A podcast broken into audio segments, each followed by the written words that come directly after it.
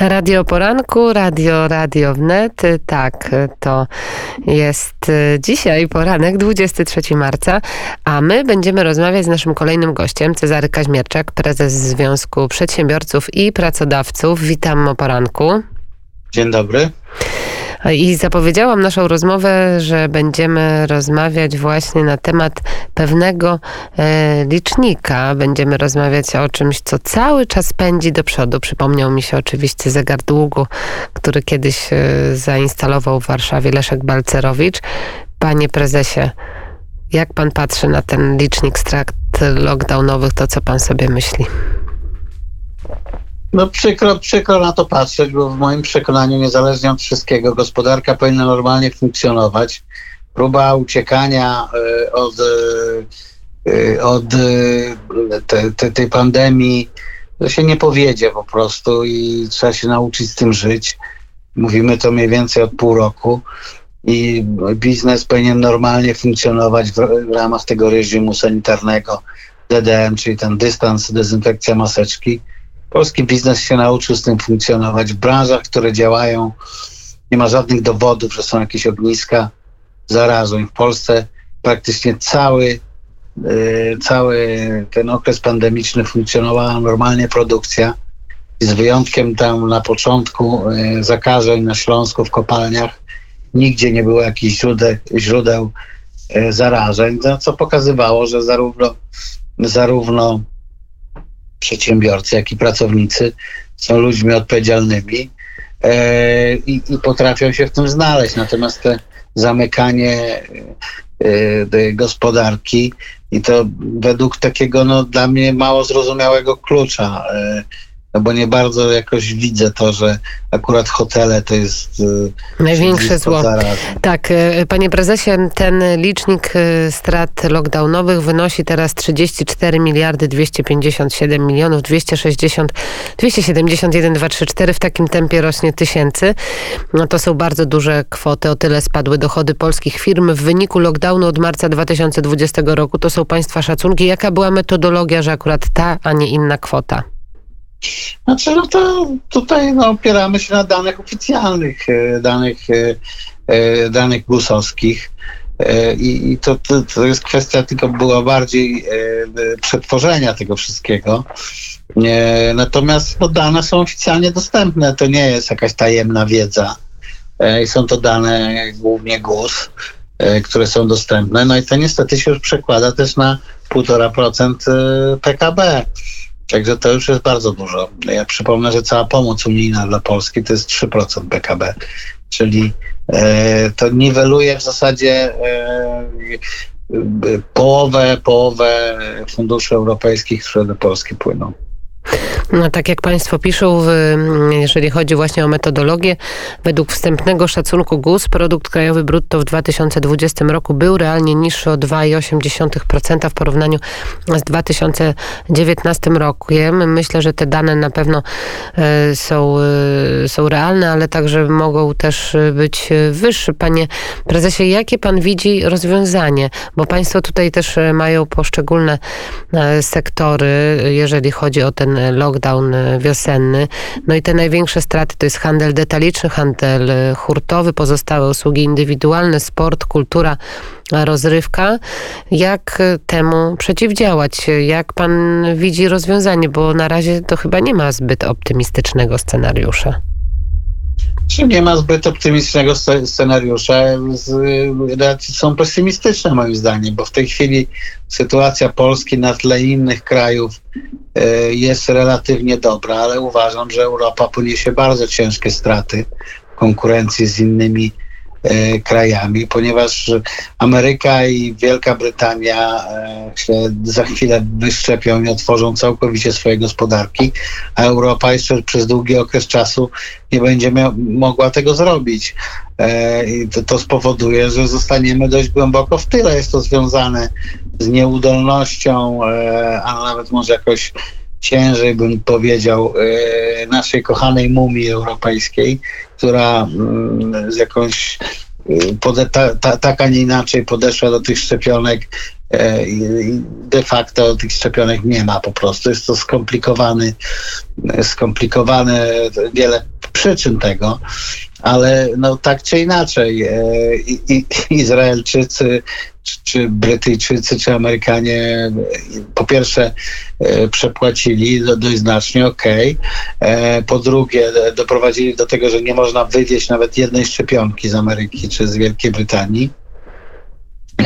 Efekt tego będzie taki, że za chwilę się otworzą i oni bardzo dużo na tym zyskają. Natomiast Europa, w tym niestety również Polska, bardzo dużo na tym straci. Znaczy, w tej chwili ja rozumiem te wszystkie zachwyty polskiego rządu, że jesteśmy w czołówce OECD, jeżeli chodzi o te wszystkie różne parametry, ale porozmawiamy za rok.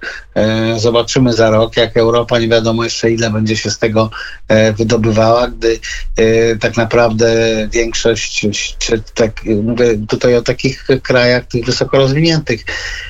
już nie mówię o Australii, Nowej Zelandii, ale też Azji, Ameryce, Izraelu, Europie i oni na tym bardzo dużo zarobią. A na, my natomiast wydaje mi się, że będziemy bardzo na tym stratni. Ale to, to, są, to są, tak, to są, pana, mm, to są pana jakieś wnioski, to są pana jakieś scenariusze na przyszłość, ale z drugiej strony słyszymy państwo, że przedsiębiorcy mogą wnioskować o nowe postojowe, mogą wnioskować o zwolnienia z ZUS-u, o zwolnienie z opłacania składek za luty 2021, ze świadczenia postojowego tylko, maksymalnie trzykrotnie i tak sytuację. dalej, i tak dalej, że mamy cały czas jakieś rozwiązania dla tych którzy stoją, którzy mamy, nie pracują. Mamy rozwiązania na dziś. E, tylko nie ma czegoś takiego e, jak e, pieniądze, których nie trzeba będzie oddawać. Akurat w momencie, jak świat się będzie z tego wydobywał, czy Europa, to my z tym długiem, ten dług będziemy musieli płacić. Dużo lepszym podejściem i strategią Polski w tym okresie było jednak otwarcie gospodarki i trzymanie jej, trzymanie jej w standardzie, w reżimie DDM. Wtedy niepotrzebne były żadne tarcze i dalsze zaciąganie długu. W momencie, gdy będzie się to wszystko odradzało, no to my będziemy mieli jeszcze e, na plecach ten ciężar długu, który trzeba będzie spłacić. To nie jest tak, że to wyparuje. Przecież rząd nie ma żadnych własnych pieniędzy, ma tylko te pieniądze, które odbierze w podatkach obywatelom i przedsiębiorcom.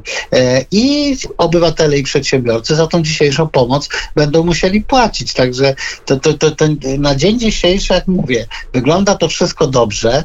E, cyfry makroekonomiczne też wyglądają dobrze. Jest jest to też podstawowa trudność w rozmowach z rządem, e, który, który uważa, że wszystko jest e, świetnie i wspaniale i, i gospodarka sobie świetnie radzi.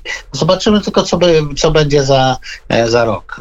Pan rozmawia z przedsiębiorcami, pan jeździ po Polsce. Jaka jest kondycja ludzi, którzy właśnie muszą sobie w tej pandemii radzić? Jest frustracja, bo niektórzy po prostu zdecydowali i otwierają restauracje, otwierają swoje zakłady, nie patrzą na obostrzenia. Nie, to, to raczej jest fakt medialny. To jest jakieś zjawisko zupełnie marginalne. Ale jednak jest.